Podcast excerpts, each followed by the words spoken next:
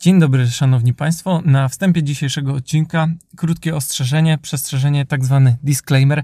Chciałbym tylko powiedzieć, że żaden z nas nie posiada żadnego wykształcenia mm, medycznego, więc e, wszystkie tutaj zawarte wskazówki są generalnie naszymi luźnymi poradami, e, a nie profesjonalnymi poradami medycznymi. E, czy jak to można nazwać? W każdym razie, traktujcie to jako takie swobodne wskazówki od nas i mam nadzieję, że może coś z tego się tutaj przyda. Nie tylko iluzjonistom, e, którzy mogą cierpieć z powodu tremy, ale osobom, które też chciałyby może czuć się pewniej, e, mówiąc przed większym gronem odbiorców czy też występując publicznie. Ponieważ jeśli słuchaliście uważnie naszego podcastu, to pewnie pamiętacie, że e, bardzo dużo osób stawia lęk przed wystąpieniami publicznymi wyżej niż lęk przed samą śmiercią, więc myślę, że jest to dość intrygujący temat i dzisiaj troszeczkę w bardziej szczegółowy sposób przyjrzą się mu Maciej z Patrykiem do wysłuchania tej dyskusji o stresie, tremie, i lęku przed wystąpieniami publicznymi zapraszam Was właśnie teraz. Ja nazywam się Jędrzej Waberski, a wysłuchacie internetowego magicznego podcastu.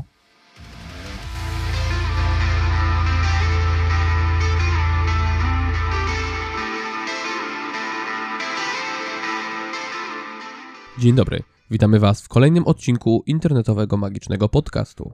Z tej strony Patryk. O, jesteście już. O, to tak, to ja, Maciej.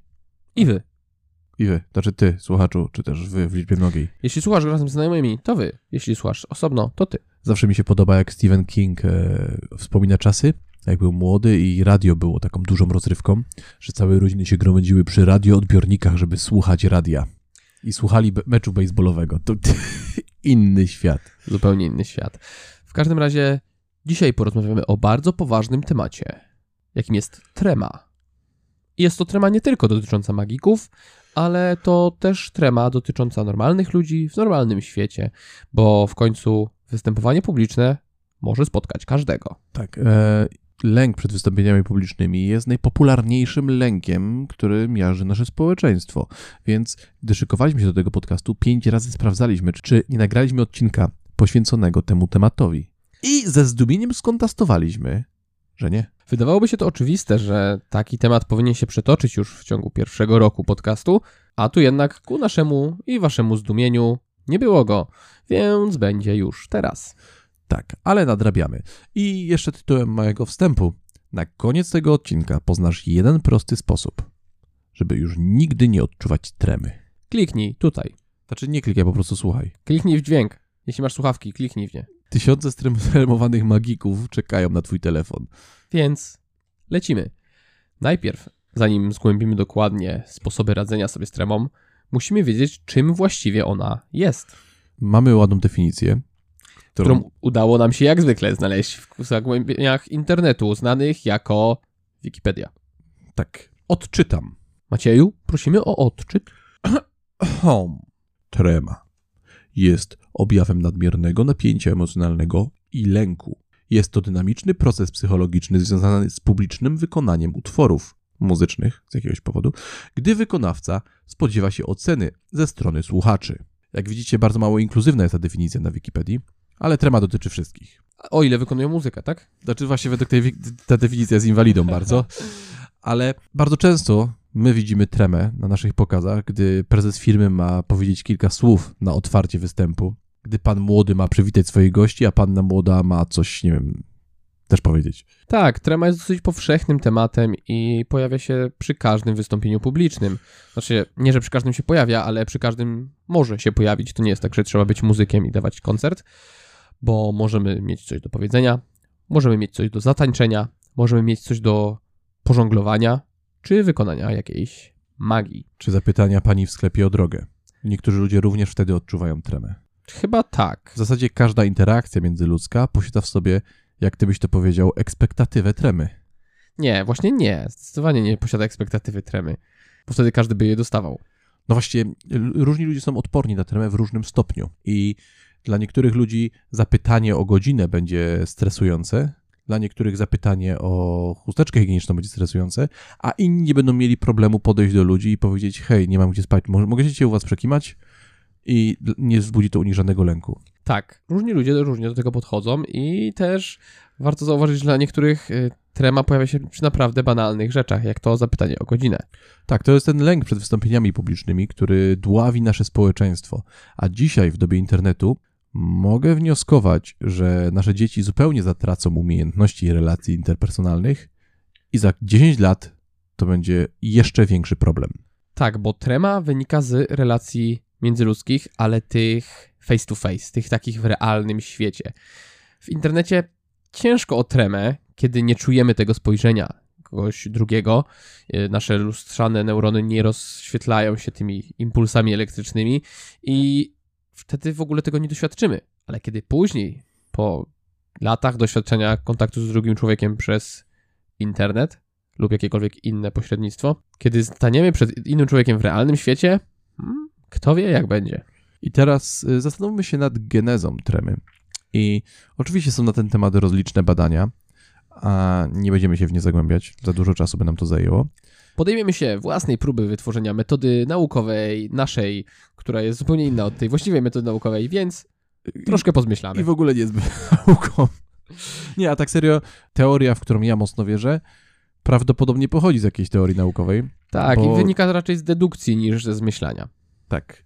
Więc dawno, dawno, dawno temu, kiedy rzeki były młode i nie tak ospale toczyły swoje wody przez zielone krainy, Góry pamiętały jeszcze o lodowcu, z którym się niedawno przytulały. zanim Lech wbił swój pal i powiedział, tu będzie Polska, zanim kontynenty przestały wędrować, była wielka wędrówka ludów, która skończyła się tym, że ludzie mieszkali w małych wspólnotach plemiennych.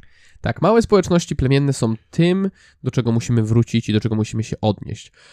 Bo dzisiejsza globalna wioska, w której wszyscy mieszkamy, jest czymś zupełnie innym strukturalnie niż to, jak wyglądał świat dla ludzi wtedy. Więc ludzie mieszkają sobie w tych małych wspólnotach i są e, społeczeństwami zbierackimi. Nie umieją jeszcze uprawiać z, zboża, Trójpolówka nadal się jeszcze nikomu nie przyśniła. Tak, e, brona to imię teściowej, a nie narzędzia rolniczego. Ludzie mieszkają w małych wspólnotach, które muszą wędrować, bo świat jest generalnie niegościnny i chce ich zeżreć. I dobrym sposobem na chronienie się jest ognisko, czy jakieś, nie wiem, dwa patyki, które spowodują, że do jaskini ci nie wejdzie lew. I grupa ludzi dookoła. Tak.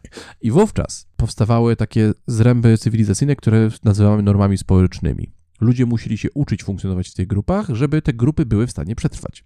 Więc te grupy funkcjonowały jako taki żywy organizm. I jeżeli zrobiłeś coś, co było nieakceptowalne społecznie, złamałeś tabu, wówczas prawdopodobnie tych tabu było znacznie, znacznie więcej niż dzisiaj. Choć niektóre, takie jak jedzenie trupa swoich rodziców, przetrwało do dnia dzisiejszego, nie wiedzieć czemu, to ci ludzie pilnowali, żeby pozostawać wewnątrz tych norm. Tak, bo bycie wyrzuconym poza społeczność na podstawie tych norm skutkowało byciem zjedzonym przez tygrysa. E, Znaczy, najpierw skutkowało zazwyczaj banicją, czy po prostu wydaleniem ze struktur. Wyrzucenie skutkowało wyrzuceniem. E, Wyrzu- prze- przekroczenie norm skutkowało wyrzuceniem ze struktur. Właśnie to powiedziałem. To ja powtórzyłem to jeszcze raz, dzięki, żeby nasi słuchacze lepiej to zapamiętali. Okej.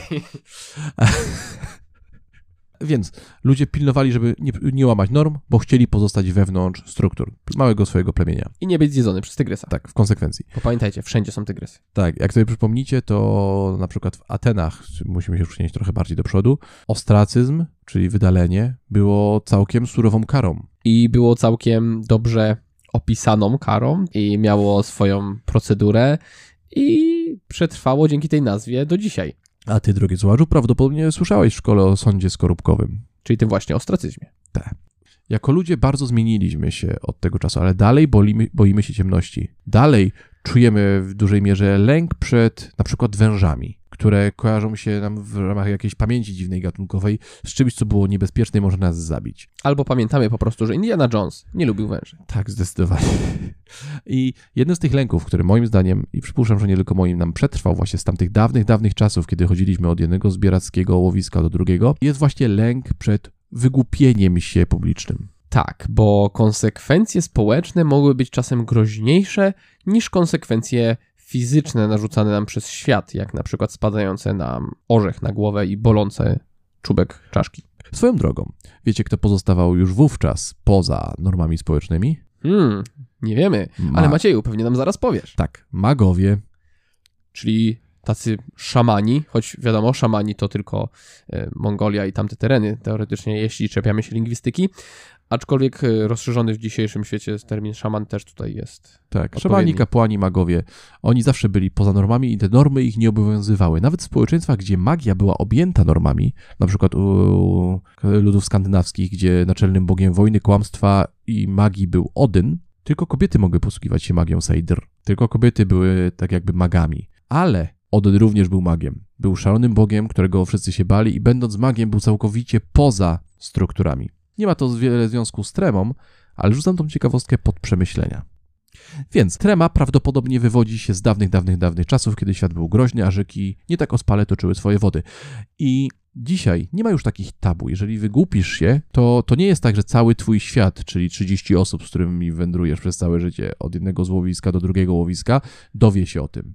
Nie, I- jeżeli się wygłupisz, to nikt o tym nie będzie wiedział. To też moim zdaniem trochę zbyt daleko idące założenie, bo będą o tym wiedzieć ludzie. Jeśli się wygłupisz, to twoi bliscy będą ci to wypominać. Jeśli się wygłupisz w pracy, twoi współpracownicy będą ci to wypominać, będą się z ciebie śmiać na przerwie lunchowej. Aczkolwiek ich śmiech nie sprawi, że zostaniesz wykluczony ze społeczności i będziesz musiał sam dbać o to, żeby zapewnić sobie jedzenie, dach nad głową i żeby coś ci nie zjadło. Ten tygrys, czający się za rogiem. Żarty z twojego głupiego krawata, czy wywrotki z kawą w open space'ie są trochę mniej ostre niż zęby tygrysa szablozębnego. I nie doprowadzą do twojej zagłady. Więc trema w dzisiejszych czasach jest moim zdaniem tylko i wyłącznie atawizmem. Bo jeżeli się wygłupisz, nie stanie się nic złego. A jeżeli chcesz poczuć tremę, to przypomnij sobie sytuację, kiedy ostatnio spotkałeś wyjątkowo atrakcyjną osobę na ulicy i chciałeś zagadać i zaproponować kawę. Co wówczas czułeś? Co wówczas czułaś? Jak duże emocje przetoczyły ci po głowie? Co by się mogło najgorszego stać, gdybyś powiedział: Hej, jesteś bardzo atrakcyjnym osobnikiem gatunku ludzkiego. Chciałbym napić się z tobą kawy i w konsekwencji wejść w romantyczną relację. Ta osoba mogłaby wyjąć pistolet i cię zastrzelić. Tak, na pewno. Dzieje, takie rzeczy dzieją się codziennie. W 9 przypadkach na 10. Tak. Znaczy pewnie mogłaby to zrobić, ale z opóźnieniem w formie rozwodu. Dobra, nieważne, zostawmy to. Więc ta trema, którą odczuwasz, ten lęk, który odczuwasz, jest zupełnie nieracjonalny, co oznacza dla mnie na przykład, e, i będziemy to eksploatować dalej, że trema jest zupełną głupotą. I nie ma większego sensu w obecnych warunkach społecznych. Ale jako, że trema jest strasznie popularnym problemem, nasza cywilizacja wytworzyła masę metod na walkę z tremą. Nie zapominajmy zresztą, że słowo atawizm istnieje w naszym codziennym języku. Nie bez powodu. Mimo, że takie działania są zazwyczaj już nieprzydatne. Tak, ale no jesteśmy maszynami biologicznymi, tak? To akurat o, też ostatnio czytałem, nie będziemy linkować badań, bo już je zgubiłem. A propos współdziałania mózgów, które mamy, tych takich starych mózgów gadzich i mózgów tych końskich, czy jak tam się nazywa według różnych teorii. I kiedy władzy przejmuje mózg, który każe nam walczyć o życie, psuje nam się myślenie logiczne. Nie ma na to czasu. Ty nie masz analizować, czy ten krzak, który tam się trzęsie, to jest y, jagoda czy kostotrzewina. Jeżeli masz uciekać, to masz uciekać. I to też jest atawizm. Więc biologicznie bardzo jesteśmy dosyć podobni do naszych praprzodków. Może mamy trochę mniej włosów na plecach. Tak więc trema, mimo że my uważamy ją za problem całkowicie zbędny, problemem jednak jest. Tak, tak samo jak jakakolwiek fobia. Jeżeli ktoś boi się pająków do tego stopnia, że widząc zdjęcie czuje dreszcze, czyli ma taką naprawdę mocną arachnofobię, to, że to nie jest groźne, takie tłumaczenie nic mu nie da. Ten strach jest prawdziwy, emocja jest prawdziwa. Do tego typu lęków trzeba podchodzić z szacunkiem. Choć tutaj też dla mnie jest to zupełnie obce, bo nie rozumiem, jak ktokolwiek może bać się pająków lub nawet ich nie lubić. Bo one są takie milutkie i mają takie fajne włochate nóżki i w ogóle są takie ui. I mam takie ładne oczka. Mają takie piękne oczka, można patrzeć i widzieć w nich wszechświat. Pająki są super. Okej, więc Jako, że zasięgnie... trema jest powszechnie, powszechnym problemem, to musiały powstawać powszechne sposoby radzenia sobie z tym problemem. Hej, jesteśmy ludźmi. Jeśli widzimy problem, to musimy znaleźć rozwiązanie. I jeśli nie jesteśmy w stanie tego wymyślić za pomocą kamienia przywiązanego do kijka, to wymyślimy jakieś inne narzędzia. Istnieje cała masa metod. Niektóre płatne, niektóre bezpłatne, niektóre mają postać skomplikowanych, zaawansowanych kursów, inne różnych po prostu catchphrase'ów, które mają mm, cię nakierować na drogę. Istnieją programy wręcz patologiczne, takie jak Demonic Confidence. Tak, to jest dosyć patologiczny program pracy nad tremą, ale pomaga. Jeżeli coś działa, to nie jest głupie. W każdym razie, jeśli są te, jest to powszechny problem, to gdzieś w internecie znajdzie się ktoś, kto wykorzysta clickbaitowy tytuł, żeby zaproponować nam kilka rozwiązań. Tak jak my, już za chwilę na końcu tego odcinka dowiesz się, jak poradzić sobie z tremą raz. na zawsze.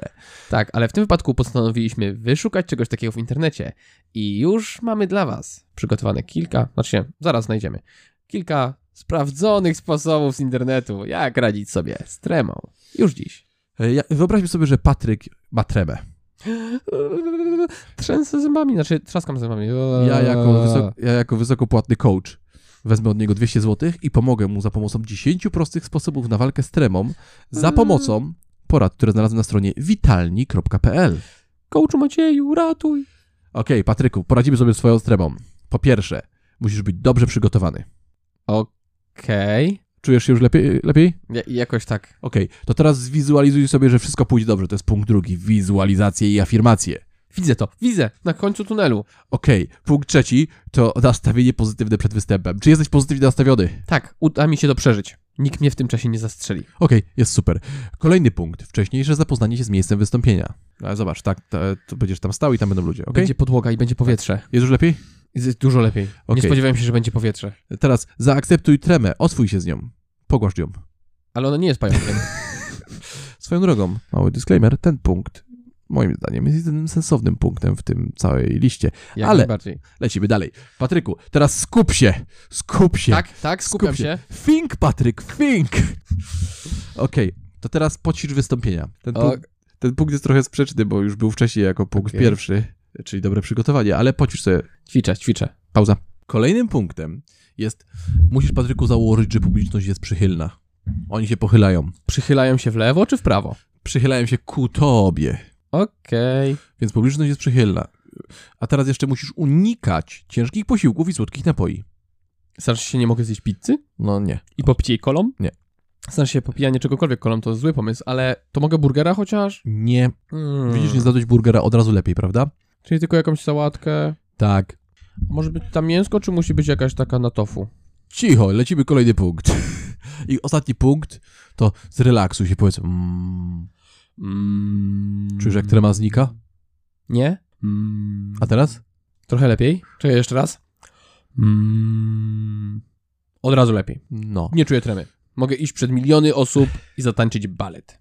Wieprzoj. Nago. Tak jest.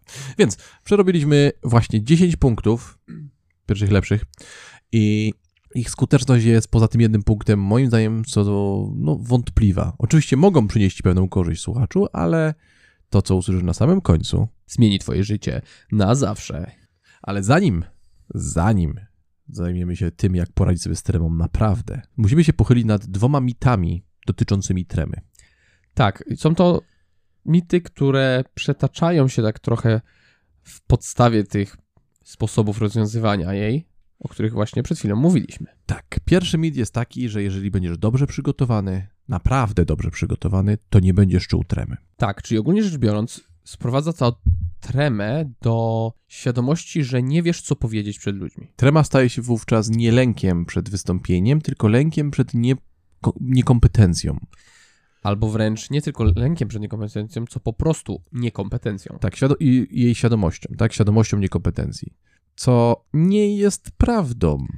Zdecydowanie nie jest prawdą, bo są ludzie niekompetentni, którzy wiedzą, że nie, nie mają nic przygotowane, a są w stanie wyjść i improwizować.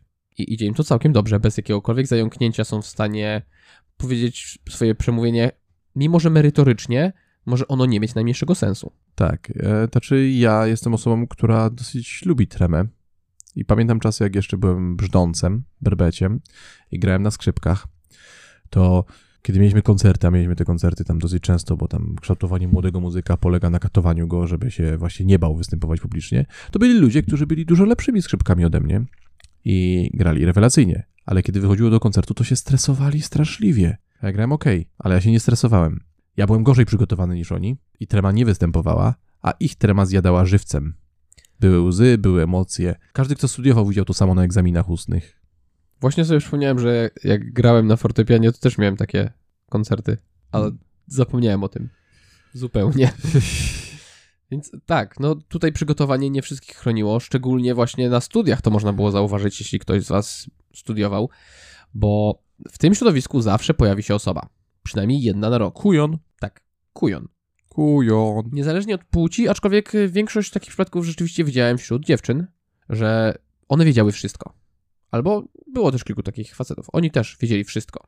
I taka osoba, przychodząc na egzamin, częściej to było w przypadku egzaminów ustnych, mimo że wie wszystko, nawet więcej pewnie niż profesor, dostawała drgawek i różnych dziwnych reakcji, które nie powinny wystąpić, patrząc na to, że jest tak naprawdę bardzo dobrze przygotowana. Tak, jakieś stany psychotyczne można obserwować podczas takich przygotowań do egzaminu ustnego. Takie coś w stylu leżenie na podłodze i lizanie ściany. Podczas gdy są też ludzie, którzy są nieprzygotowani. Tak, nieprzygotowani, po prostu. I nie odczuwają tremy. Tak, wchodzą i zaczynają ściemniać na egzaminie i ściemniają tak długo, aż profesor daje im trzy na szynach i wyrzuci z gabinetu. Du, du, du, du, du. Thug life. Zgadnijcie, o kim rozmawiamy. Nie wiem. Trzy na szynach najlepszą oceną na świecie. Tak, swoją drogą. Nie wiem, czy znacie teorię, tak wrzućmy ją dygresyjnie tutaj, że trzy na szynach to najlepsza ocena, jaka może przytrafić się studentowi. Bo oznacza, że nie uczył się ani o sekundę za długo. Du, du, du, du, du. Thug life. Uważamy. I na to nie mamy absolutnie żadnych badań. Więc musicie nam zaufać na słowo, to jest Instytut Danych Wziętych z Czapki. A robił te badania dla nas, przed chwilą dostarczyli nam wyniki. Trema nie ma żadnego związku z tym, jak dobrze jesteś przygotowany. Możesz być przygotowany rewelacyjnie i trema może cię zalać, a możesz być przygotowany słabo i może ci nic, się nie zdać. Trema jest, e, tak jak powiedzieliśmy, wywodzi się z dawnych dawnych czasów, jest atawizmem. Jest rodzajem tej reakcji fight or flight. Jeżeli przypomnicie sobie walkę Andrzeja Gołoty, który uciekł z ringu, to nie można mu było zarzucić tego, że był słabym bokserem. No nie. Nie On- pamiętam tej sytuacji, chyba za młody na to Tak, jestem. on nie chciał walczyć, jego trener nie chciał przerwać walki, publiczność była przeciwko niemu i trema go zjadła i uciekł. E, on tam walczył z Tysonem. To ja mu się szczerze mówiąc nie dziwię. Gdybym miał walczyć z Tysonem, zrobiłbym dokładnie to samo. Choć może z innych pobudek. Tak, znaczy to, co jest bardzo istotne, to to, że przygotowanie Andrzeja Gołoty było dobre. Był utalentowanym i wyszkolonym, doskonałym bokserem, który doszedł do prawa dostania łomotu od Mike'a Tysona. Co więcej, trzeba przyznać, że był jeszcze przygotowany do tego genetycznie. Tak, on ma idealne geny do tego, żeby tłuc ludzi po ryjach. I samemu dostawać. Tak. I, i co? I przeszedł do historii jako gość, który uciekł z ringu, tak? No tak się dzieje czasem. Czasem tak się dzieje, czasem trema nas zaatakuje i... No i co? No i tyle. Takie są fakty. Tylko w internetowym magicznym podcaście. E, I to jest jeden mit, z którym się chcieliśmy rozprawić. Jeden z dosyć powszechniejszych, aczkolwiek drugi wydaje mi się, że jest równie powszechny. Bo przed wyjściem na scenę, przed wyjściem do ludzi, przed publicznym wystąpieniem w mózgu mogą pojawić się różne impulsy elektryczne, które przechodzą przez neurony i wywołują u nas różne reakcje. I trema nie jest jednym z nich. Stres przed wystąpieniem nie jest tremą. I trema nie jest jedynym z nich. Stres przed wystąpieniem nie jest tremą. Tak samo jak możemy odczuwać tremę, możemy czuć ekscytację, możemy czuć też stres, który jest bardzo bliski do tremy. I ten koktajl emocji to może być podniecenie, to może być e, ekscytacja słabsza niż podniecenie, to może być zmotywowanie, to może być cokolwiek, sfokusowanie na zadaniu. I To może wtedy- być też w pewnym momencie znudzenie. Tak, znam to. A i twoje ciało ci to komunikuje za pomocą różnego rodzaju procesów w twoim mózgu, które ty interpretujesz jako emocje. Ale ten koktajl emocjonalny nie zawsze jest tremą. Tak. I często stres, najzwyklejszy stres przed na przykład tym, czy wszystko wyjdzie dobrze, o to chcemy zadbać, żeby wszystko było idealnie, zapięte na ostatni guzik top notch, to może być też mylone z tremą.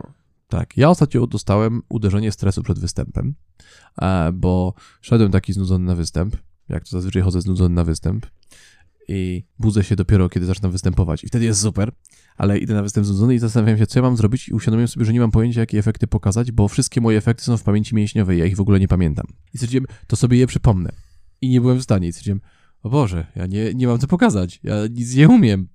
Oczywiście wyszedłem na scenę i zacząłem robić i wszystko poszło tak, jak powinno pójść ale w ten sposób sam sobie wywołałem stres, bo stwierdziłem, że zmienię coś w mojej procedurze występowania, czyli myśleniu o piciu kawy, doczołganiu się na miejscach, gdzie mnie widzą i rozpoczęcie pokazu na zasadzie dzień dobry i jazda, tylko stwierdziłem, ok, zastanowię się, co mam zrobić. I to był błąd. Poczułem ukłucie stresu, ale to nie była trema.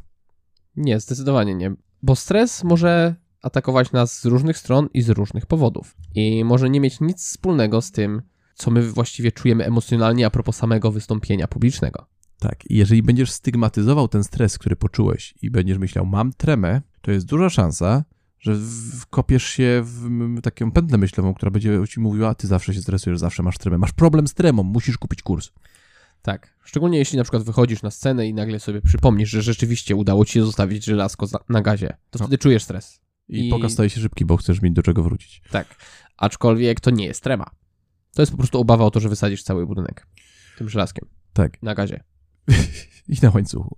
Więc ym, tym mitem, który chcieliśmy tutaj to tak e, zupełnie nienaukowo obalić, za pomocą danych z czapki, jest to, że trema to jest wszystko to, co czujesz, takie całe napięcie, które czujesz, to jest trema. Nie. Jeżeli szykujesz się do biegu, to twoje ciało zaczyna produkować hormony, żebyś biegł szybciej. Robisz sobie hiperwentylację. To nie jest stres, to nie jest trema. To jest po prostu zadaniowe podejście do celu. Znaczy, to jest właśnie stres, ale to nie jest trema. Trema jest irracjonalnym, paraliżującym lękiem, który utrudnia ci wystąpienie. Tak więc, y, to może się wydawać, że to obalenie jest tutaj takie, nie jest naukowe, więc może być trochę bez sensu, ale ono ma sens i ma to sens praktyczny. Nie daj sobie wmówić, że masz problem z tremą, kiedy tak naprawdę po prostu odczuwasz stres z zupełnie innego powodu. I nie daj sobie z siebie wyciągnąć pieniędzy na kurs radzenia sobie z tremą, kiedy po prostu musisz sobie poradzić z czymś zupełnie innym. Lepiej wydaje te pieniądze na jakiś kurs magii. Przynajmniej się czegoś nauczysz konkretnego. Tak jest. Rozwalenie tych dwóch mitów było dla nas istotne dlatego, żebyś mógł zrozumieć nasz sposób walki z tremą. Jeden prosty sposób. Tak, bo nie dość, że nasz sposób może wydawać się specyficzny, to tak samo nasze podejścia mogą wydawać się specyficzne. Zanim przejdziemy do rozwiązywania problemu z tremą, to warto powiedzieć też, co my o niej myślimy, bo kiedy zaczęliśmy rozmawiać o tym podcaście, o nagraniu tego odcinka i zaczęliśmy najpierw się dziwić, że go jeszcze nie nagraliśmy, to ja potem zauważyłem, że tak naprawdę nigdy o tym nie myślałem, bo trema to jest coś, co nigdy mi się praktycznie nie przydarzało. Mogłem być czasem zestresowany tym, co mam przygotowane lub nie mam przygotowane, lub że wychodzę gdzieś i będę musiał improwizować. Aczkolwiek to właśnie był ten stres, którego nie powinniśmy mylić z tremą. Bo samej tremy nie pamiętam, żebym kiedykolwiek odczuwał. I dla mnie trema jest takim trochę nieistniejącym problemem. Aczkolwiek może się to składać z różnych rzeczy, które udało mi się przeżyć w moim życiu i które składają się też na sposób rozwiązania tego problemu. Ja pamiętam momenty, w którym miałem tremę. Pamiętam jak dziś pierwszy moment na pierwszym moim płatnym występie, kiedy zszedłem do ludzi, którzy siedzieli sobie nas przy stolikach i miałem im coś pokazać. To był w ogóle próbny występ, który miał ocenić, czy będę mógł być magikiem w tamtym klubie. Zszedłem i stwierdziłem, o Boże, stresuję się. Więc na, na, szybko wybiegłem, skoczyłem i usiadłem pierwszej dziewczynie na kolanach, która była najbliżej mnie i powiedziałem, hej, jestem magikiem. I w ten sposób mrugnąłem trzy razy i minęły trzy godziny występu. Maciej był wtedy dużo chudszy, więc kolana tej dziewczyny nie pamiętają tego do dzisiaj. Tak, to było zanim magia zmieniła moje ciało. A W burgera, bo Tak. jesteśmy tym, co jemy. ja jestem majonezem. Em, I burgerem. też. W każdym bądź razie to było takie bardzo orzeźwiające przeżycie, bo czułem tremę, pamiętam ją jak dziś i po prostu stwierdziłem, dobra, nie ma czasu o tym myśleć, jazda. I trema przestała istnieć. I zdarzało mi się, że idąc do pracy odczuwałem stres. Ale w momencie, kiedy zaczynałem występ, stres mijał. W związku z tym stres minął zupełnie. No i z aktualnych sytuacji, kiedy miałbym tremę, nie jestem sobie w stanie tego przypomnieć.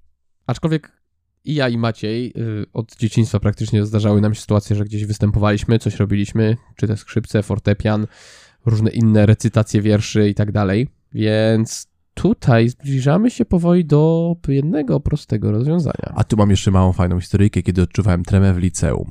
Nie, to było w gimnazjum. Tak, jestem tak stary, że chodziłem do gimnazjum. Tak, pamiętajcie, kiedyś były gimnazja. Tak, i jestem zasadniczo drugim rocznikiem, który chodził do gimnazjum, więc gimnazja były straszne. Nauczyciele nie umieli sobie z nami radzić. I było taki zwyczaj w mojej pierwszej klasie gimnazjum, że obrażaliśmy się piętrowymi wulgaryzmami. Jak to dzieciaki w gimnazjum, pisząc sobie na karteczkach i podając sobie na lekcji. Jak masz, masz 12 lat, to jest to wyjątkowo zabawne, bo piszesz brzydkie słowo, da, da, da, i wszyscy mówią, o Boże, ha, śmieszne słowo. Szczególnie kiedy jesteś wrzucony w nowe warunki społeczne. Tak, tak, grupa rówieśnicza się dociera i to no, Gimnazja to był super pomysł. To najlepszy pomysł. Pozdrawiamy panie Giertych z czółko. I pani nauczycielka znalazła tą karteczkę. I pani nauczycielka zagroziła. Powiedziała, przeczytam to na wywiadówce. A ja się bardzo postarałem z tą karteczką. Do dzisiaj pamiętam, co tam napisałem i, i nawet dzisiaj bym mógł kogoś tak obrazić. To byłoby okej. I pani powiedziała, przeczytam to na wywiadówce. I każe rodzicom zgadywać, które z ich dzieci to napisało. Ja stwierdziłem, o Boże, mama mnie zabije. Łamanie kołem, obdzieranie żywcem ze skóry to będzie wstęp. I podszedłem do tej pani nauczycielki i powiedziałem, pani nauczycielku, proszę tego nie robić. Będę pani niewolnikiem. I ona powiedziała, okej, to wystąpisz na akademii. I powiedziałem, na akademii, okej. Stwierdziłem, no to nie będzie takie złe, gram na tych zgrywcach, mogę występować. I się okazało, że graliśmy teatrzyk Zielona Gęś Adam i Ewa i byłem Adamem, więc występowałem przed całą szkołą ubrany w majtki jedynie, a potem y, obwiązali mnie bandażem, bo wycięli mi żebro, żeby stworzyć Ewę i razem z Ewą tańczyliśmy dookoła gościa, który leżał i wił się na ziemi, słowami, których nie zapomnę. Nie chcemy me- węża i my i wnet go wypędzimy. Więc tańcząc w majtkach, owinięty bandażem, przed całą szkołą, skonfrontowałem się stanie, ze staniem się pośmiewiskiem. I przeżyłem, by nieść tą historię dalej. Tak, niczym pochodnie. Tak, suma summarum, karteczka nie została odczytana moim rodzicom, a ja chyba raz na zawsze przestałem odczuwać jakąkolwiek tremę. Tak, i tutaj właśnie to jest idealny wstęp do tego, żeby dowiedzieć się, jak raz na zawsze poradzić sobie z tremą. Kliknij tutaj, poznaj jeden prosty sposób. Jedynie dzisiaj na promocji. Pośpiesz się, kliknij już teraz. Jutro oferta może minąć. Ale zanim go powiemy, jedna mała rzecz. Czy wiesz, drogi słuchaczu, czym jest tabula rasa? Czy Mm. chciałbyś wiedzieć, czym jest tabula rasa? Hmm, Już wkrótce nasi patroni dowiedzą się o tym pierwsi.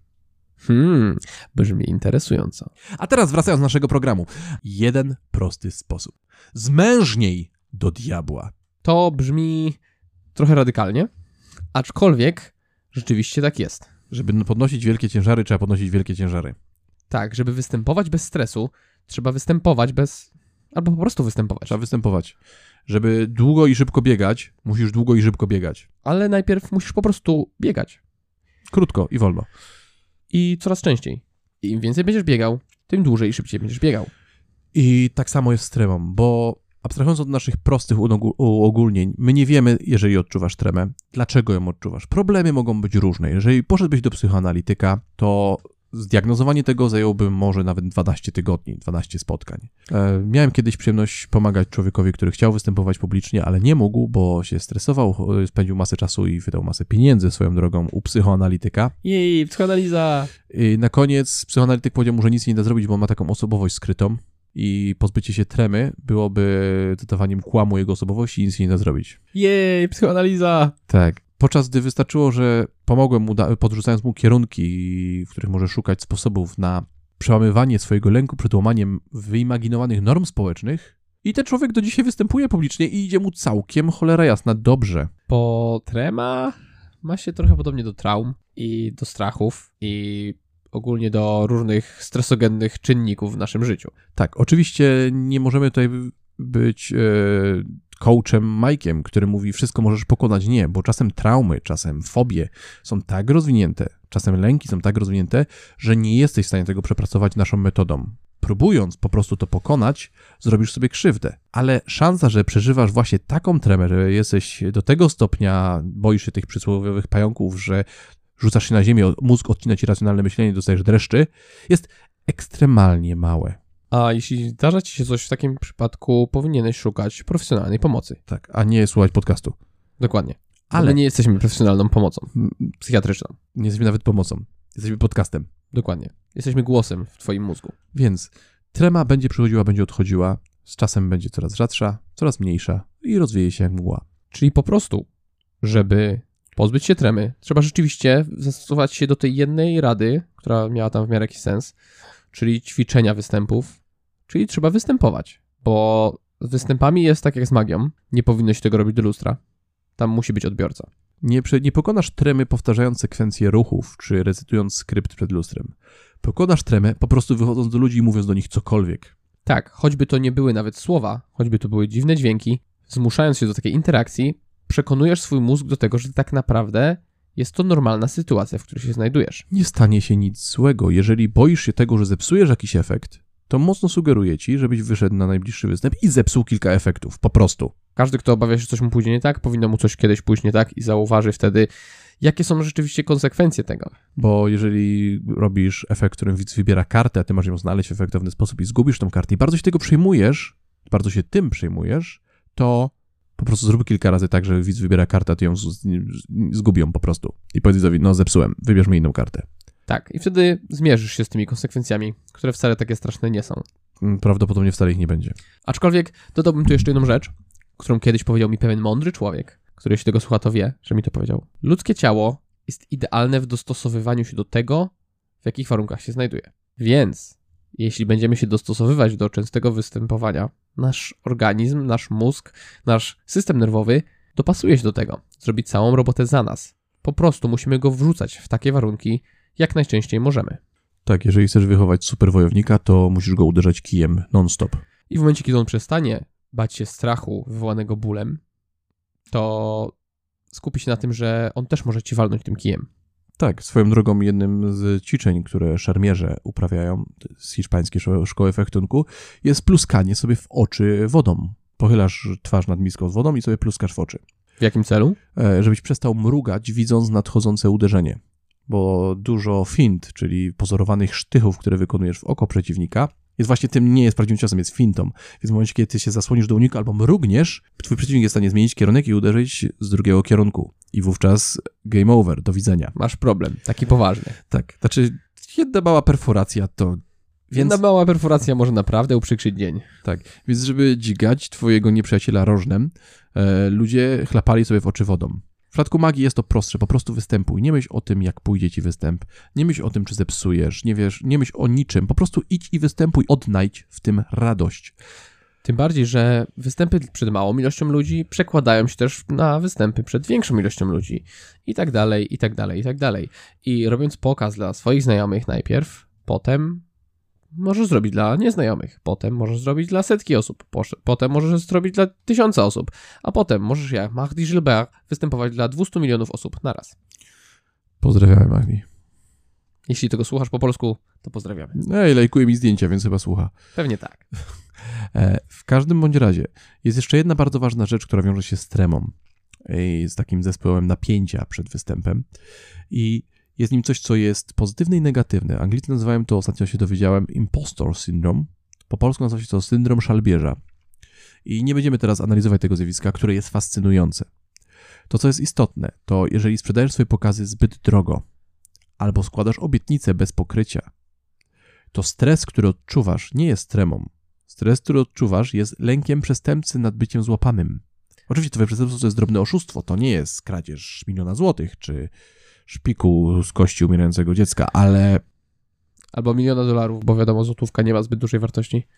no, Tak, wtedy sam wdrażasz się w sytuację, w której czujesz winę za to, co robisz i dodatkowo do tego syndromu dochodzi ten strach, ten stres związany z tym, że tak naprawdę wiesz, że nie jesteś przygotowany. tak. To nie jest coś, co jesteś w stanie rozwiązać za pomocą e, przećwiczenia procedur czy recytowania skryptu.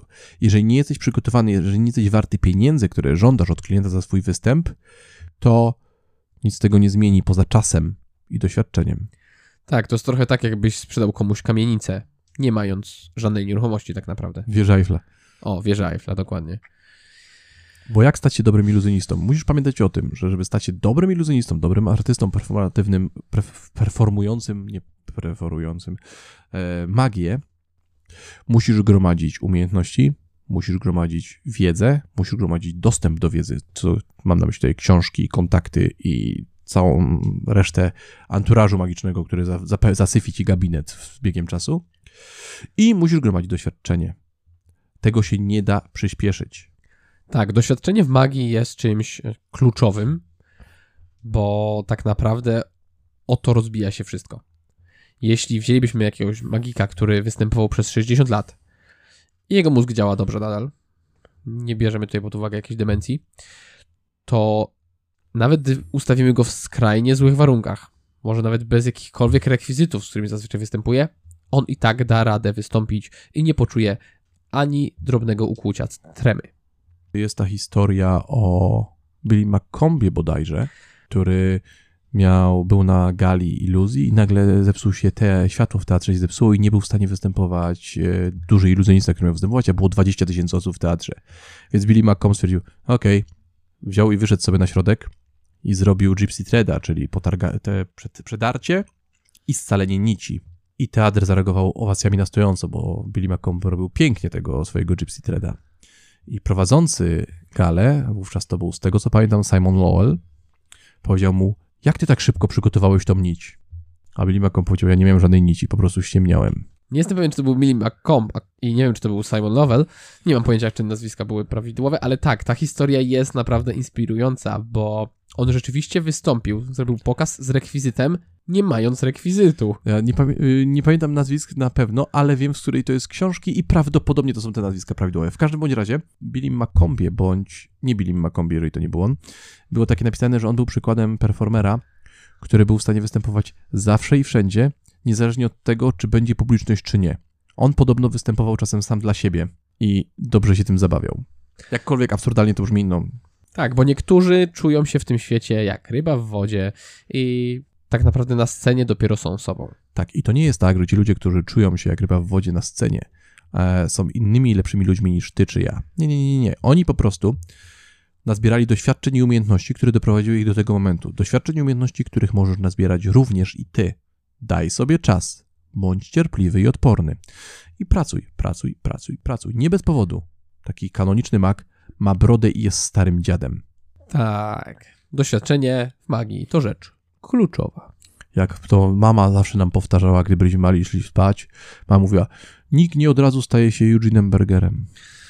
Dokładnie tak. Wtedy nie znaliśmy tego nazwiska i do dzisiaj zastanawiamy się, skąd mama je znała. Ale tak rzeczywiście było. Tak było. Nie kłamie. No przecież my byśmy was nie okłamali. No bez przesady. Never ever. A Instytut Danych z czapki istnieje. Dokładnie. Przynoszą nam dane do każdego odcinka. W czapce. W każdym razie my docieramy do końca tego odcinka.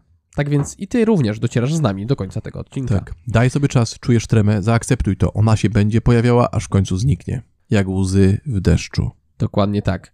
Zniknie, przeminie, a ty o niej zapomnisz. I w ten sposób kończymy ten odcinek. Żegnamy się Idę wymiotować ze strachu przed nagrywaniem tego odcinka. Maciej, i Patryk. I zostawimy cię, drogi słuchaczu, tylko z jeszcze jednym pytaniem. Czym jest tabula rasa?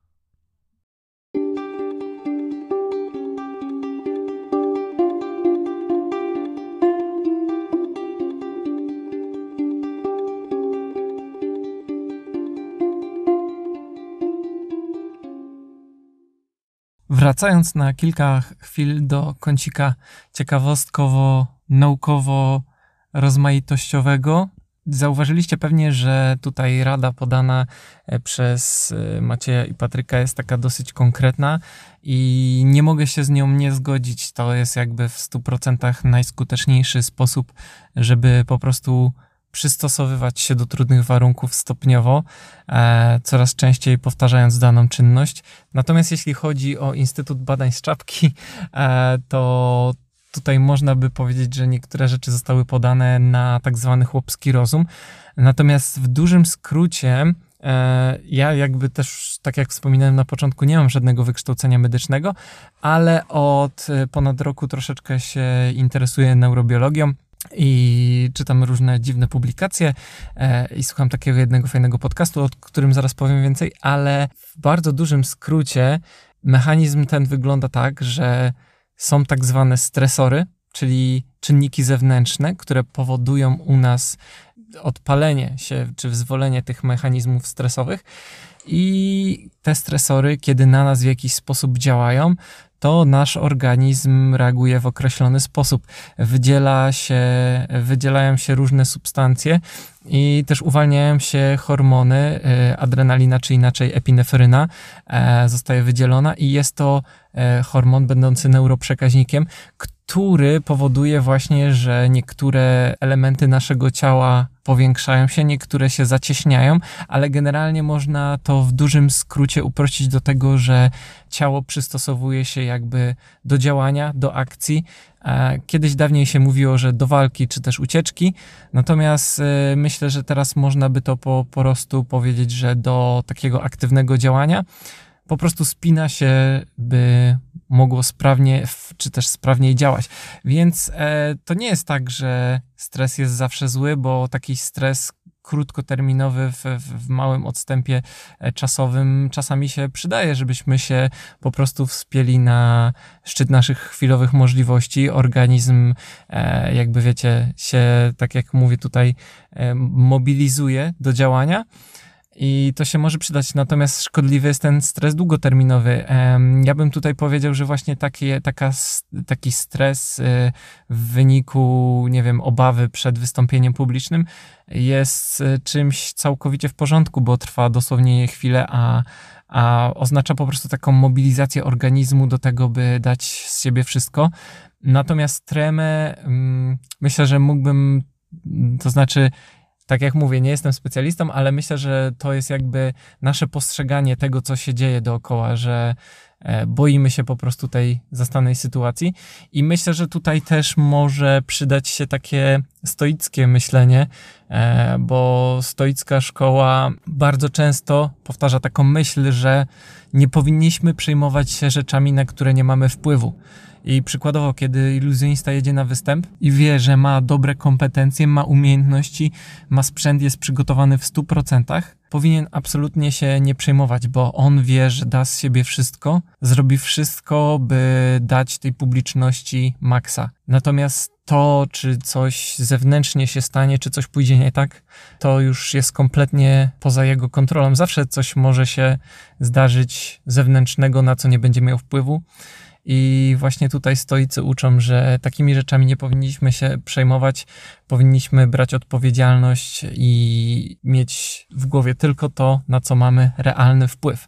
Więc to może być troszeczkę takie uspokajające, kiedy skupimy się na tym, żeby dać z siebie wszystko i mieć świadomość, że my zrobiliśmy po naszej stronie wszystko, co tylko się dało, by wykonać jak najlepsze show. Natomiast jedno takie dodatkowe narzędzie, które pochodzi z, ze wspomnianego przeze mnie e, chwilę temu podcastu, to coś takiego, e, co nazywa się fachowo Physiological Sigh.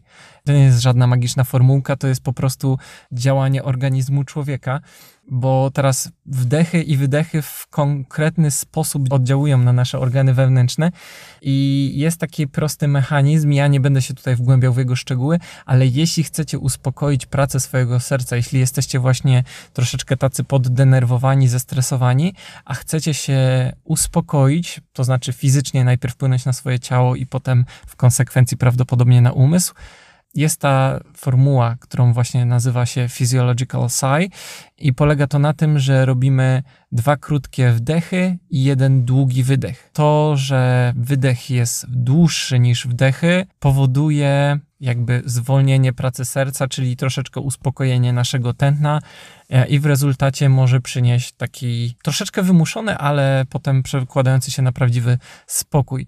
I to jest prawdziwe narzędzie, które działa jeśli chcecie więcej informacji o tym, jak stres wydziela się, jakby powstaje w naszym organizmie, skąd się bierze, jak go można bardziej kontrolować, takie wszystkie szczegóły dotyczące stresu, Polecam tutaj odcinek dziesiąty podcastu Huberman Lab, który właśnie jest podcastem prowadzonym przez neurobiologa profesora Andrew Hubermana ze Stanford. E, jest to naprawdę fascynujący podcast, w którym prowadzący w dość przystępny sposób e, opowiada właśnie o neurobiologii, o tym jak funkcjonuje ludzki organizm i podaje masę użytecznych narzędzi, które mogą Wam pomóc w życiu codziennym.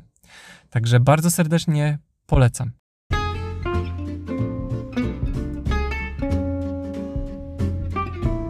Tej chwili dziękuję Wam serdecznie za odsłuchanie tego odcinka. Mam nadzieję, że e, może da Wam on troszeczkę spokoju, przyniesie Wam troszeczkę więcej opanowania na Waszych przyszłych wystąpieniach publicznych, czy to jesteście iluzjonistami, czy nie. Chciałbym przypomnieć, że podcast ten jest podziękowaniem dla naszych patronów, którzy wspierają rozwój projektu IMP i którym zależy na e, promowaniu sztuki iluzji w Polsce. Dziękujemy Wam bardzo serdecznie. A jeśli chcecie w jakiś sposób nam pomóc, możecie powiedzieć o tym podcaście swoim znajomym, rodzinom, komukolwiek tylko chcecie. Jeśli zaś jesteście iluzjonistami stricte, możecie wesprzeć nas, nasz projekt IMP przez serwis Patronite. Wystarczy, że na serwisie Patronite wpiszecie Teatr Złudzeń. I tam już wszystkie szczegółowe informacje się pojawią. Możecie też zostawić nam wiadomość głosową przez serwis Anchor. Wszystko jest w e, opisie podcastu. Dziękuję Wam serdecznie za to, że byliście. Słyszymy się już w przyszłym tygodniu. Trzymajcie się cieplutko i nie dajcie się wichurom. Cześć!